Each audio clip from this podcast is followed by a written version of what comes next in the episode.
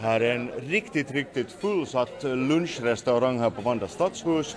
Här i hjärtat av Vanda kommer man nästan säga och eh, här går en massa människor med en pins där det står Tala gärna svenska med mig från svenska dagen 2018. Och jag har faktiskt också en sån här pins som jag har fått här vid, vid något skede. Jag har den här på min jacka.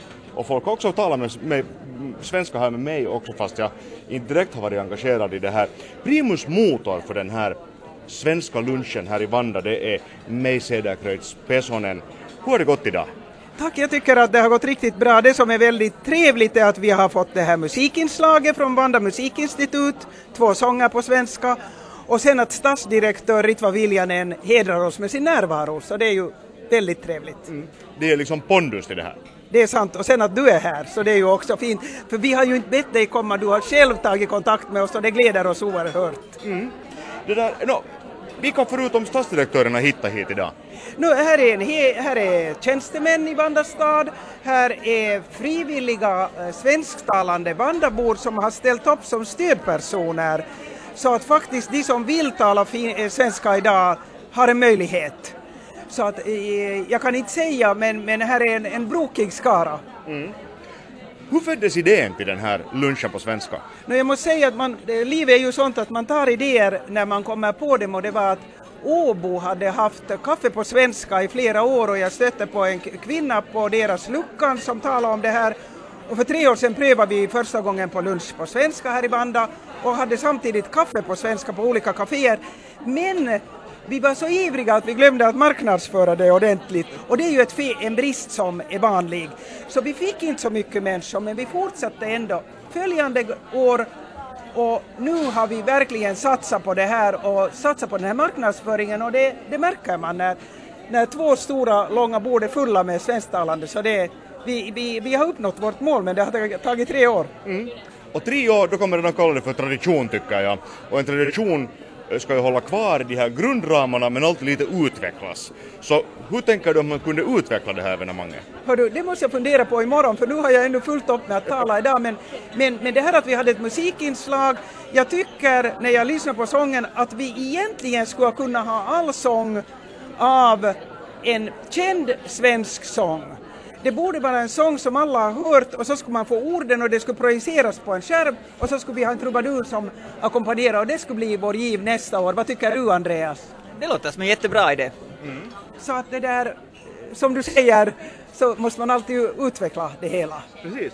No, här märkte jag att en massa tjänstemän som jag talade med här från, från det där invandrarserviceenheten till exempel en dam som, som, som jättegärna talar svenska här och säger ja, jag kan nog inte så bra ändå kan hon ju hur bra som helst. Och man andra också här som satt vid de här lunchborden och talade.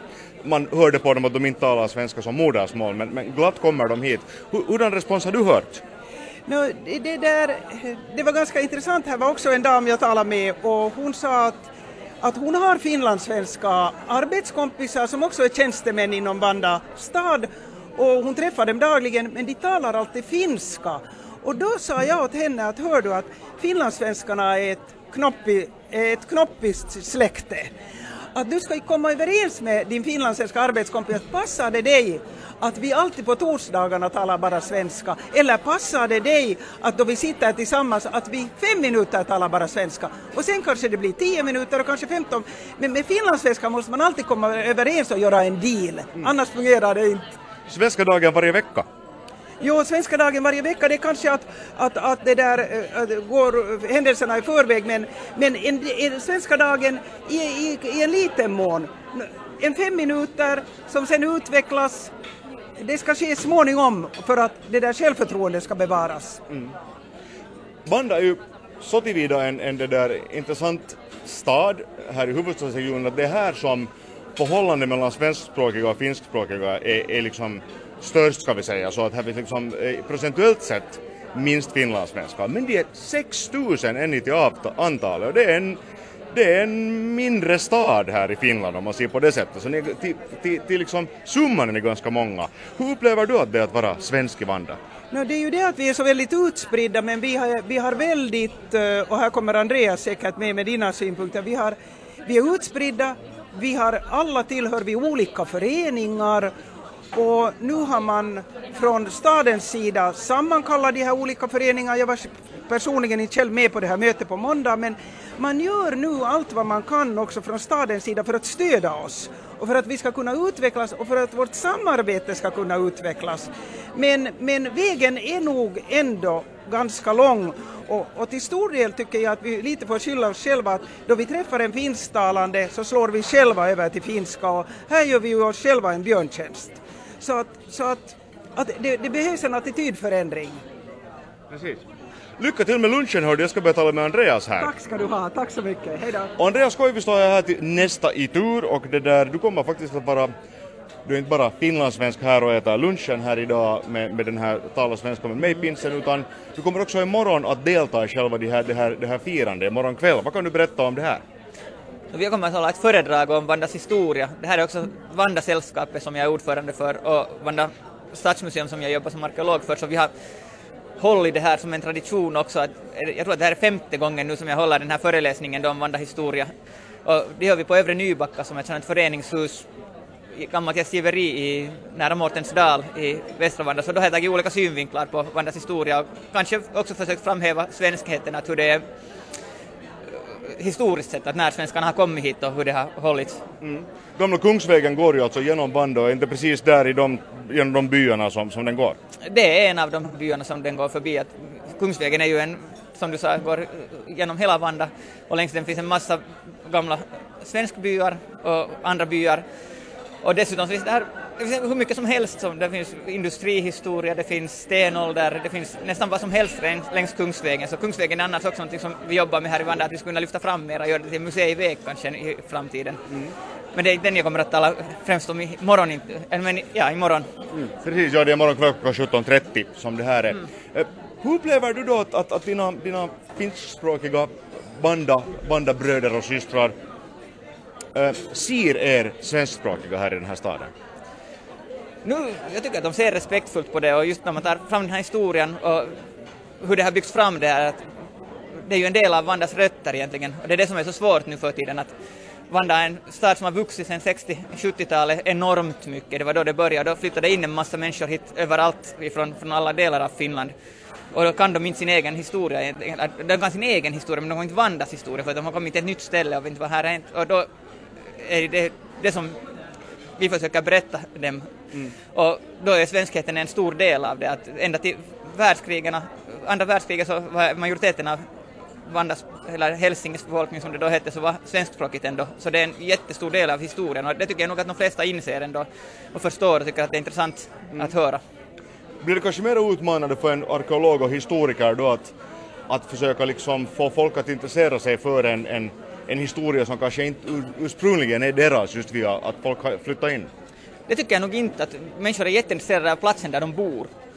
Och det är kanske någonting som inte de kommer att tänka på direkt, men det men att titta det här höghuset som de står i och sen titta att var det finns och vad där funnits tidigare, så det är ju någonting som de det är kanske inte sånt som de funderar på varje dag, men sen när de hör så tycker de att wow, är det här sant? Att, kan det vara så här? Att, och det, då höjer det, det där livskvaliteten avsevärt, att då kan de gå och berätta åt sina vänner att hej, att Vanda är inte bara någon betongord som har uppstått på de senaste 50-talen, 50 åren, utan det där att här har faktiskt funnits någonting mycket, mycket, mycket längre än det. Mm. Att det, det, är någonting som höjer faktiskt den där stoltheten över att bo där. Mm. Och något som vi talade om här under den här lunchen så det var de här dialekterna som jag är personligen mm. hemskt intresserad av. Alltså Esbo har fortfarande en lite levande Bemböle-dialekten, Häsbo-dialekten, men, men Hälsingedialekten är lite utdöd. Det finns nog inte hemskt många som talar, jag har hört att man, det finns en del som gör det, till exempel i Brutuby skulle det kunna finnas. Men annars så är det ju så att, som jag har hört av min mormor till exempel själv också, att när hon försökte tala hälsingedialekt när hon var barn så fick hon nästan på fingrarna av sin mamma som sa att nej, nej, att inte ska du tala så där utan att det är den högsvenskan, boksvenskan som gäller då. Att, den har nog, tyvärr så har den dött ut här med åren. Men den finns bevarad på band att Bo Lönnqvist, etnolog, så han gick omkring i Vanda just före man började med alla de här stora områdesbyggande, så gick han och intervjuade människor som bodde i de här gamla svenska byarna, gårdarna här och intervjuade dem. Och där finns ett jättefint material som finns i Svenska litteratursällskapets arkiv och band att lyssna på. Och vi har faktiskt en fin artikel om det här också i vår Vandrarsällskapets årsbok, om jag gör reklam här, senaste årsboken, så då hade Bo Lönnqvist skrivit en fin artikel om det här, hur det var att gå omkring i Vanda före alla höghus började byggas, utan gå omkring och intervjua alla de här människorna som hade bott här sen, vars familjer hade bott här i sekel. Mm. Mycket intressant.